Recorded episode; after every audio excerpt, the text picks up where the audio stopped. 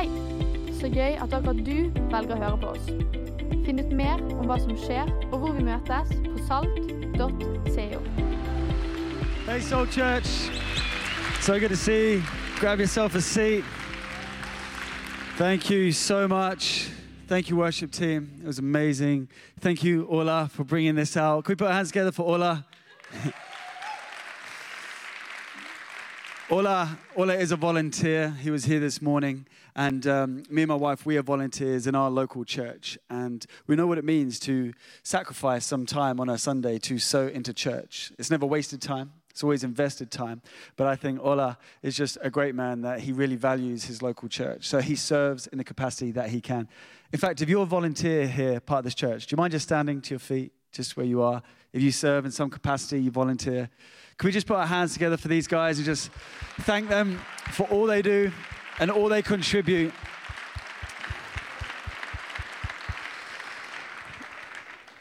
You know, I just think that um, church isn't meant to be a couple of paid people doing everything. It's meant to be this community which together just builds what they can together, listens to each other, shares with each other, and most of all, enjoys. And that's what I've noticed here this Sunday that you guys enjoy being part of a community that loves Jesus and loves each other. And so I just want to say thank you to Øystein, and we've had just so much fun with all the team. I actually met Øystein over 10 years ago. Me and my wife were speaking at a conference in Sandnes near Stavanger. And um, when we were there, Øystein was speaking in the, in the night, and it was a phenomenal message. But the thing that I still struggle with, and I was telling the morning service this, is that 10 years later, he still looks exactly the same. Like, has not aged. I think it must be the moisture from the rain here in Bergen. Just keeps you young. Uh, I want to get some and put it on myself. Um, my wife is actually in the kids' room right now uh, with our two sons, Knox, who is four, and Nico, who is one. It is Mother's Day in London right now. And um, she's had an incredible Mother's Day looking after the kids all by herself. Um, so I owe her a Mother's Day. Um, but I just want to say to her, who's listening to me right now, uh, wherever the camera is, I'm sure it's in this direction, that I'm so grateful for you. You are an amazing, amazing mother, and you make my life and Knox's life and Nico's life fun. So we love you and we thank you. Um, my wife actually, um, yeah, we can give her a round of applause. My wife actually is the European director for A21, which is an anti human trafficking organization. And uh, she's been doing that for over 10 years. And so my boys are getting raised as freedom fighters, you know, to stand against injustices. And what they do with their life, I really don't mind. It's up to them. But I do know that they will stand against injustices and they just won't allow these things to be normal, but actually, there'll be a voice to the voiceless. And um, we'll see 10 years from now or 20 years from now whether my boys work for Alpha with me or work for A21 with Charlie. But at the moment, we're, we're training them in both of our ways. Um, if you haven't heard of Alpha, Alpha is an organization that just creates safe spaces for conversations around Jesus. So, right now we're in church, and I love Sunday services, but these are rows where you listen to someone and you take some notes if you want to, and then you go home. Um, but I don't know if you're a bit like me. Every time a preacher preaches, I've got like five questions on every point that them he or she says. And so what Alpha is, it just creates a space for conversation and a space for discussion. And there's no question that is off the table. And so today I want to ask you a question. And my question is, how do you face fear? How do you face fear? Ever since I was 18, I've been a Christian. I encountered his grace and his love and his mercy. And from that point on, there was no going back. I had encountered the love of my Heavenly Father. And until I was a Christian, I was okay with my fear because I never stepped out of my comfort zone. I just lived in this safe zone. Someone says, Dan, would you like to do this? No thanks. Dan, do you want to go there? No thanks. I was just safe. But then the moment you give your life to Jesus Christ, safe goes out the window because everything he has for you is on the other side of fear. The question is, is do you want to become the person he's calling you to be and go to the places that he's calling you to go? See, I've always had a fear of public speaking. And age 18, I encounter his grace and his love and his mercy. And in my small group of 10 people, I just sense the Holy Spirit say, share your story. I was like, no, no, no, no. And I could see my heart literally beating through my shirt. I was that nervous. My hands were sweaty, my knees were shaking. And I just remember God saying, I'm asking you to do this. And so I did. I shared my story with my small group, and my articulation and my delivery of me sharing my story was not good at all. But yet, when someone heard my story, they had more questions about Jesus because they had not heard about his grace and his love and his mercy. And you got to understand, you facing your fear isn't even about you, it's about the people around you. It's about your friends and your family, your kids and your kids' kids. I don't know what fears you're going to face tonight. I don't know what God is going to ask you to do after tonight. I don't know what your tomorrow looks like.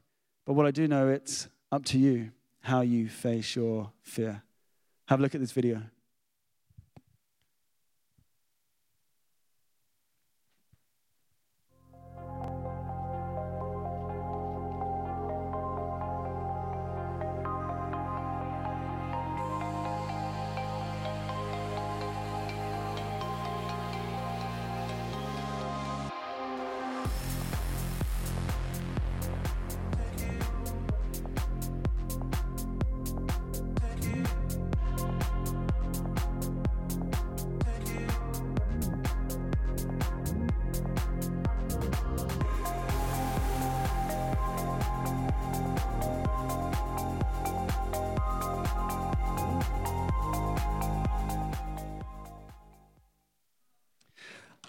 I made that video myself. Thank you very much. I ripped all of those videos off YouTube, put them in iMovie, and there you go. you know, in that video, there are some people who are fearful, and there are some people who are fearless. Right at the end there, there's a lion trying to eat a kid, and the kid's just tapping on the glass with a smile on the face, going, Simba, Simba. The reason the kid is tapping on the glass smiling is because the kid has not learned to fear the lion. You see, fear is a learned trait. We learn it from our parents, we learn it from our role models, and we learn it from our bad experiences. So if fear is a learned trait, that means tonight we can unlearn it. Nelson Mandela says courage is not the absence of fear, but the triumph over it. The brave man is not he who does not feel afraid, but he who conquers his fear. What he's saying is we will all feel, feel fear day in and day out. But you don't need to live with that fear like a heavy burden. You can overcome it, you can conquer it. Today, I'm not talking about seven steps to successfully overcome fear. I'm not talking about 12 steps to be courageous. No, today I just want to look at how Jesus helped his disciples overcome fear. So we're going to go to Matthew 8, verses 23, and it's just coming up here on the screen. It says, Then they got into the boat, and the disciples followed him. Everyone says, everyone say, followed. Everyone say followed in Norwegian. Followda. Followda? Okay. Suddenly, a furious storm came up on the lake so that the waves swept over the boat, but Jesus was sleeping. The disciples went and woke him, saying, Lord, save us, we're going to drown. He replied, You of little faith, why are you so afraid? He's asking them, Why, why did you fear? Then he got up and rebuked the winds and the waves, and it was completely calm. And this is my hope in my heart tonight that no matter what your storm, your situation is, that there will be a, a calm tonight, that the Holy Spirit will bring a peace. And in preparation and prayer for tonight, I got a sense that for some of you, there is stormy, choppy waters that you're in right now. And even in your mind, there isn't a peace. There is an anxiety, there is a worry, and there's a fear. And I want you to know that God is not disappointed in you in the middle of your anxiety. He's not ashamed of you because you are dealing with fear. No, He wants you to know that He loves you and He wants to be with you in the middle of your anxiety, in the middle of your struggles, in the middle of your worries. The men were amazed and asked, What kind of man is this? Even the winds and waves obey him. I love this because right at the end, it ended with amazement. at How good and how great is that God? Let's pray, Lord. This is your service, so do whatever you want. Will you do something significant and supernatural? Will your name be lifted high? Will you take our fears today and do what only you can do with our fears? May we walk out of this place looking more like you, bold and brave, courageous, with a heavenly courage. Jesus, we know you faced fear, but you didn't allow it to stop you from going to the cross. And we pray today that whatever fears we're facing, it will not stop us from going where you called us to go. Amen. The next question I want to ask you is Who are you following? Who are you following? Who you follow determines what you fear. Who you follow determines what you fear. If you follow someone who is fearless, you will fear less. But if you follow someone who is fearful, you will be full of fear. Every single day we go on social media and we follow, unfollow, follow, unfollow, follow, follow, unfollow. Have we ever stopped to think about the people that we are following? Because fears are contagious. I just want to put it bluntly to you. If you are following celebrities, you will have fear. In fact, even if you're following your parents, you will have fear. Even if you're following a preacher or a pastor, you will have fear. Following any human being, you will have fear. But if you're following Jesus, you don't need to have fear because he's omniscient, which means he's all knowing. He's omnipotent, which means he's all powerful. And he's omnipresent, which means he is present everywhere. So he is the only one who always was, who always is, and always will be able to meet you with you and your fear, able to meet you with you and your fear, and able to meet you with you and your fear wherever you are. 365 times the Bible says, Do not fear. That's one time for every single day, for every single moment, no matter what your situation is and whatever the storm is. Jesus says to his disciples, Follow me. And they went into the boat and they followed. Who are you following today? Because who you follow determines what you fear. The problem is that everybody fears these days. We see it in the magazines and the TV screens and all the media. Fearing is normal. In fact, fear is so normal that we all carry it around with us as part of life. It is normal to fear. But I wonder whether God wants us to allow it to be normal or whether tonight He wants to create a new normal. I remember when I was 18 years old, there was this fashion that came in, this, this trend that came in. I was sitting down having an English breakfast tea, waiting for a friend to arrive, and he was wearing a pair of skinny jeans. Now, back then, I'd never seen skinny jeans on a man before. And when I saw him, I said, No, no, no, no, no, no, no, no. I said, I don't know what's going on here, but it looks like you've just sprayed on your trousers. I don't think this is appropriate. I don't think this is right. I, I no, Six months goes past and all my friends are wearing skinny jeans. Like all my friends are wearing skinny jeans. And I'm like, guys, do you know what? I, I don't agree with what's going on right now, but you do you, it's fine. A year goes past and skinny jeans aren't just being worn by my mates, they're being worn by every single person I know. Like my mom, my dad, on the TV, everywhere. And then one day I'm walking past the shop and I look in the window and I see a pair of skinny jeans. I think, oh, I'll just try them on. I go in there, put them on, look in the mirror, and go, yeah. From that day on, skinny jeans became part of my life. There was no going back. For 10 years, I wore skinny jeans every single day, even though they took me 10 minutes to take them off every single day. But here's the thing why did I wear skinny jeans? Because everybody else wore skinny jeans. And because everyone else wore skinny jeans, I become accustomed to the culture. I became acclimatized to the culture so that they became part of my day to day life. I wonder if that's a little bit like us today with our fears. That we fear because everybody fears, that that's just normal. And I wonder if the Holy Spirit wants to speak to us today, saying, No, no, that was never meant to be a normal there was always meant to be the body of Christ, the church, who would rise up when everyone else had fear and they would have faith. There's always meant to be a people who would have hope when people are hopeless. There's always meant to be people with an anthem of victory when everyone else is walking around defeated. I wonder whether God wants to do a new normal today. There's this girl called Veronica. She works for Alpha Youth, and she was living in Ukraine. And she would run Alpha Youth across the Ukraine, and she would tell me that she would tell a lot of our non Christian friends about Jesus. And they're like, yep, yeah, we're not interested. Thank you very much. And she would still love them and show them acts of kindness and pray for them. But the moment the war started, she had all of her friends texting her, calling her. Can you pray for me? Can you tell me about Jesus? Can I come over to your house? You see, people are not looking to see how perfect your life is. They're looking to see who you follow in the middle of the storm. They're looking to see who you follow in the hard times, in the rough times, when everyone else is giving up, when everyone else is defeated. And I say this today, not so you walk here, walk out here convicted, thinking, oh, well, I'm not like that. It's not about what you're like. It's not about your personality type. It's not about you trying to behave brave.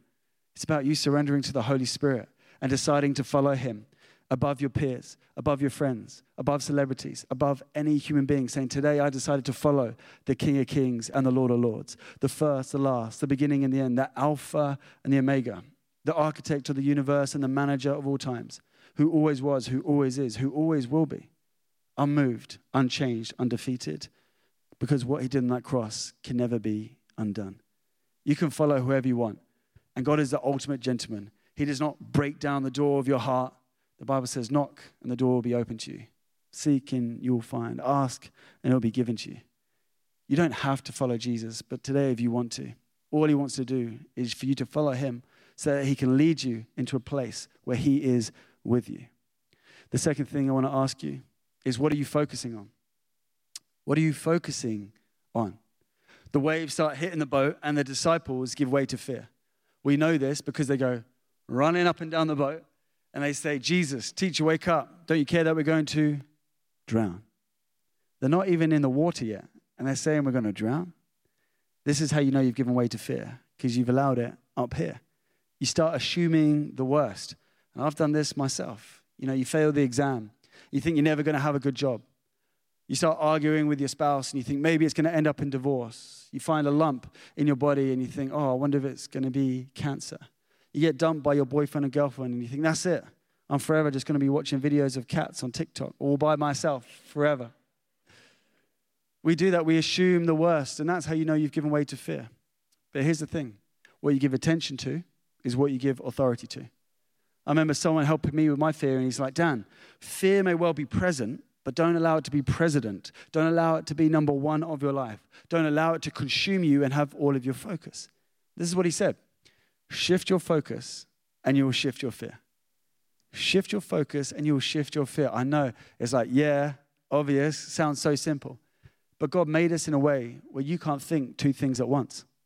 You can either focus on the waves, on the storms, or the situation, or you can focus on the one who will rescue you out of the storm and out of the situation. A great example of this is in 1 Samuel 16 and 17. It's a famous story, but bear with me for those of you who've heard it many times. You got the Israelites versus the Philistines, and the Philistines have a giant called Goliath. Goliath is from a place called Gath. Gath is a place that breeds giants, like very tall people.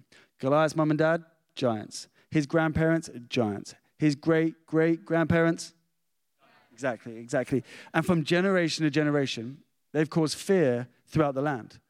So the Israelites know who he is and they know where he's from. And because of that, they've got fear. But every army has a king who is meant to lead the way. And their king is called Saul. And the Bible describes the physical features of Saul. And it says that he is tall. But even though he's got the height, he does not have the heart. And Saul is full of fear. And because he is full of fear, the whole army is full of fear. Until one youth turns up this young guy called David turns up and he's like, What, you're afraid to fight him? Oh, well, if you won't go, I'll go. You see, I'm not following King Saul and I'm not focusing on the giant. I'm following my Heavenly Father and I'm focused on His power, not, not natural power. So therefore, I will go. And he pulled out his little slingshot. He fired it at the head of Goliath, knocked him out. Goliath's on the floor. David goes over to him, pulls out his sword, and cuts off his head. David lifts it up. And from that day on, David never failed to get a girlfriend. True story. True story. Like they loved David after that. People were singing about him, writing songs about him. Like everybody loved David. But I tell you that story because if you read in 2 Samuel 21, he becomes king and he gets some mighty men. He gets some warriors. It's like Avengers assemble. And they are actually going out slaying, slaying giants. They even slay Goliath's brother. Isn't it crazy that there's a king and an army paralyzed by fear because of one giant? But then one young person rocks up who is following God and focused on Him, goes where they fear to go. He slays a giant and creates a new normal. He changes the game. Now everybody is doing it. I know I said it right at the beginning, but I just want to encourage you again that tonight is much bigger than just you. I know it's hard to face fears, it's awkward to face fears, it's uncomfortable to face fears. But this is bigger than you. Maybe there's some fears that have been handed down from generation to generation to generation. And you didn't choose these fears, they've just been handed to you. Well, do you know what? You don't need to hand them down to the next generation. You don't need to hand those fears to your friends and the family, just give them out because you fear them. No, today you can say, These fears are not going to hold me back anymore. I'm giving them to God today and I'm walking in a brand new way. Fear does not feel nice. It does not. Just last week, I was getting some cash out from the machine in London. A guy comes up to me with a knife. Says, Give me that money. I'm like, Okay, there you go. Wasn't even, I wasn't going to fight him. I was like, There you go, you go.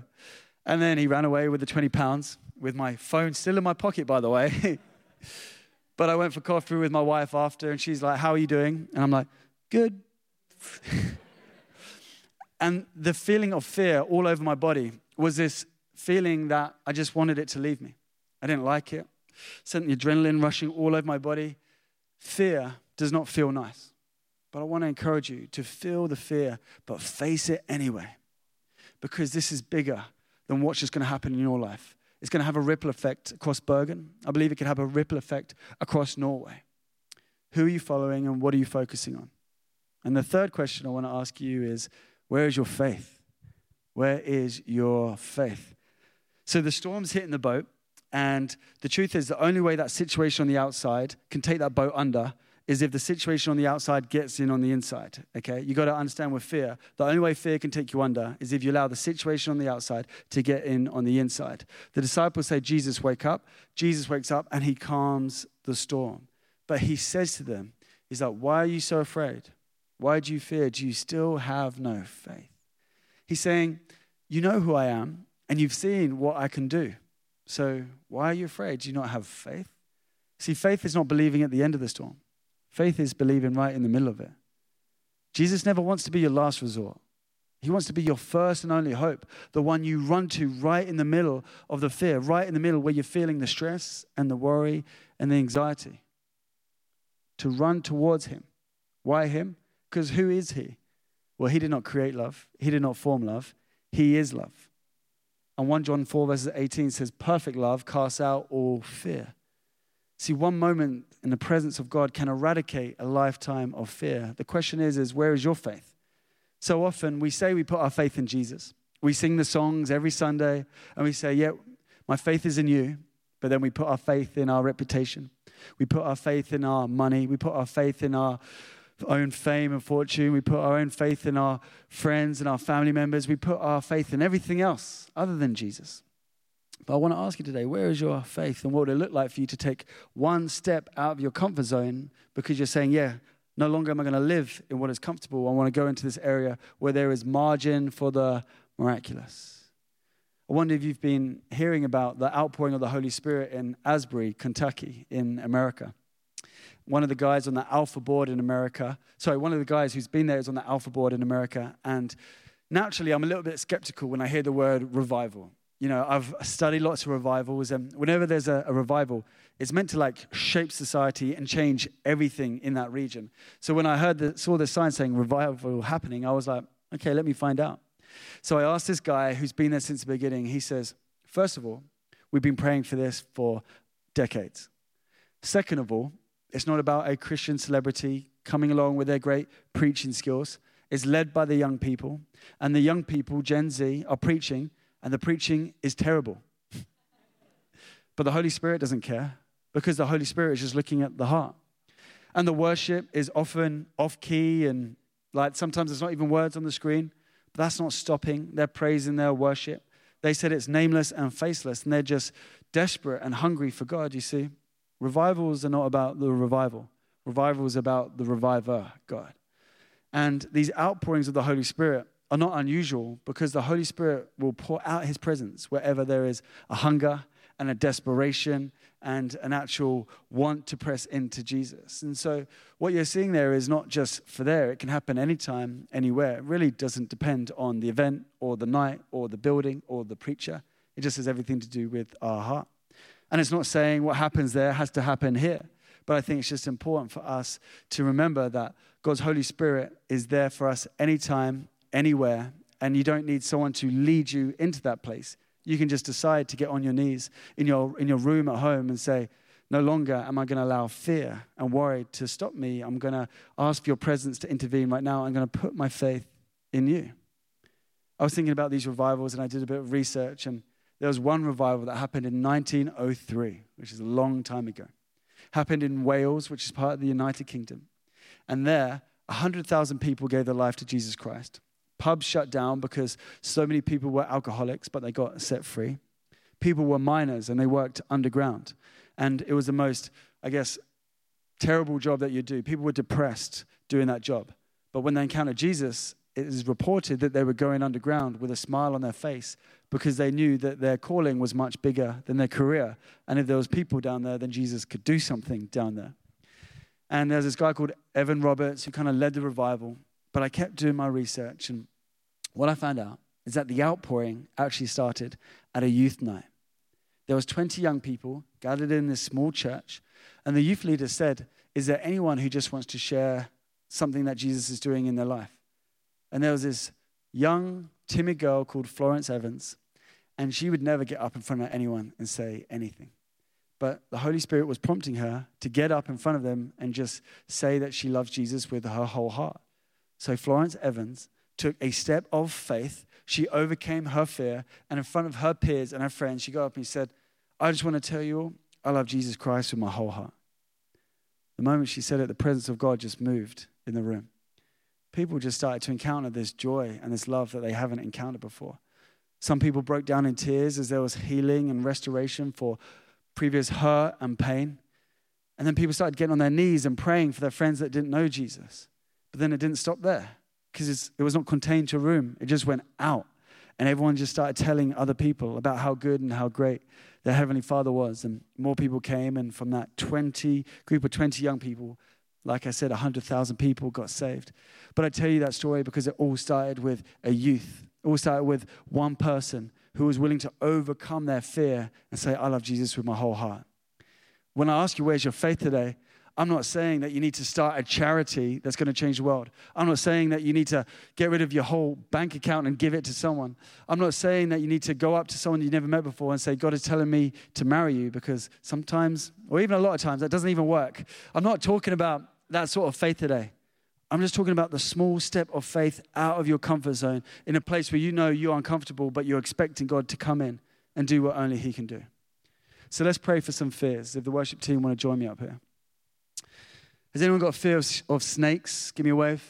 Fear of snakes? Some of you, yeah? Anyone got a fear of sharks? Give me a wave. Okay. Anyone got a fear of spiders? Give me a wave. Okay, wow, a lot of spiders here. Okay. Anyone got a fear of clowns? Give me a wave. Anyone got fear of clowns? Yeah, yeah, yeah. Um, unfortunately, we're not going to pray for those fears today. Because those fears are phobias and they actually stop you from getting killed because those things can kill you. Spiders can kill you, sharks can kill you, uh, snakes can kill you. Um, yeah, and clowns, they can kill you. So, yeah, so, so we're not going to pray for those things today. But I do just want to pray for four fears which I believe are plaguing our generation, I believe are, are plaguing humanity. And one of them is the fear of loneliness. And maybe you've got this fear today. Maybe you think, oh, if only I lived in this place, or I had that job, or I went to that university, or I dated that person, got married to that person, I wouldn't have loneliness. But here's the thing loneliness is not an external problem, it's an internal problem. God created you in a way where you weren't designed to walk alone, but it starts with following Him and knowing wherever you go, you are never alone because He is always with you. So He can tell you that a lot of the fears of loneliness are because the world has put milestones on you which make you fear. Let me explain. The world will say that you need to finish your education by 21 to 25, be married by at least 30, have kids by at least 35 own a house by 40, being a successful entrepreneur, entrepreneur by at least 50. There's certain milestones that you need to hit to be considered successful. But the Bible doesn't talk about these. No, this is what the world has put on us. And that's why we fear certain things. But you know, Norway is an hour ahead of London. That doesn't make London slow. Do you know if you're a professional footballer and you play for Brann FC? Brann? anyway.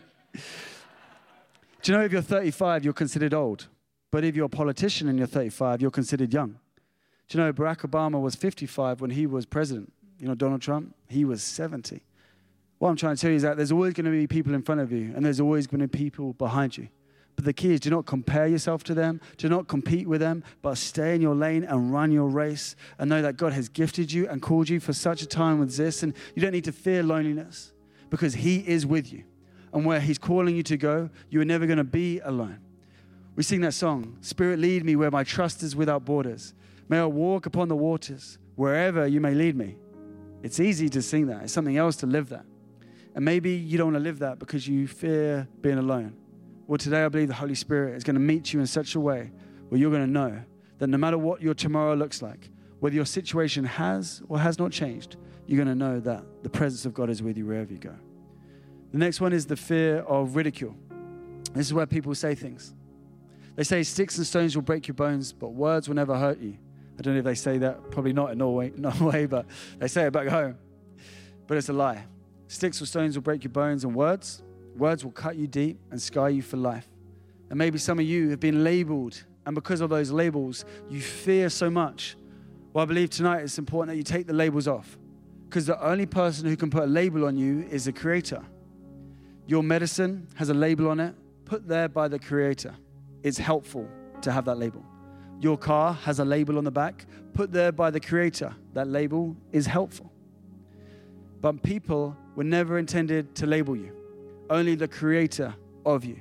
And your Heavenly Father says that you are fearfully and wonderfully made, that you are loved, you have a plan and purpose for your life. And so today, if you have been labeled and you know those labels are causing you fear, then I want to encourage you to take those labels off because they aren't meant to define you anymore. You need to know who He is calling you to be, to be like Jesus. The next one is the fear of rejection. And I'd love to say there's a way for you to skip rejection, but there isn't. You'll get rejected when you are the last to be picked for the sports team. You get rejected when you apply for that job or go to that university or try and get that promotion or ask that special someone out. There's always going to be rejection. So we need to be okay with rejection. We shouldn't fear rejection. Jesus got rejected. Martin Luther King got rejected. Nelson Mandela got rejected. People who have changed history got rejected. So, how do we overcome the fear of rejection? Was to know that we truly have been accepted.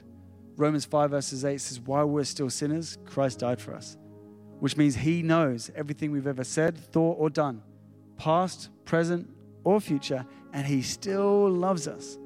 So, how do we deal with rejection by people? By knowing that we've been accepted by the one who made people, the one who went to the cross. We can spend our whole life living for likes, or we can choose just to focus on the love for my Heavenly Father. And out of that revelation, when rejection comes, it will not shake us or mold us or squash us or push us back because we know that we've been accepted by Him. But you know the final one? And when I say final, this is the biggest fear plaguing humanity right now. It's the fear of failure. The fear of failure. And maybe you fear failure. And that's why you live in your comfort zone. I got to be honest with you, I failed big time about five years ago. I was preaching in a church just like this in Copenhagen. And as I was preaching, I was so excited about my message, I was walking backwards, and little did I know that there was a guitar pedal on the floor. And I tripped over the guitar pedal. And when I say I tripped, I don't just mean whoop. No, I, I went over, over. Everybody burst out into hysterics. I laughed it off and I said, Wow, please, can we just keep that between us? Yeah? And they were like, Yeah, yeah, no worries. Got to the end of the message. Every now and again, someone would just burst out in laughter again. You know, it was one of those really awkward moments. And then I was having a cup of tea with the pastor afterwards, and I was like, that was so embarrassing. He's like, oh, really? Oh, look at this. Shows me his Instagram. He's taken the video of me falling over. His creative team are so quick. They've put a backing track to it and graphics to it, and he's put it up on his Instagram for everybody to see it. Oh, I died. Oh, like I was like, oh, my wife is going to see this. And do you want to see the video?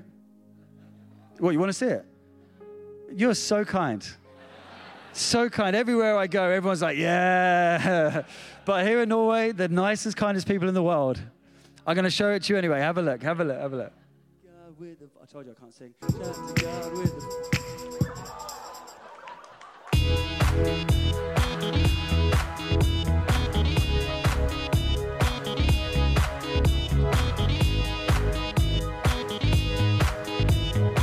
First time that's ever happened ever.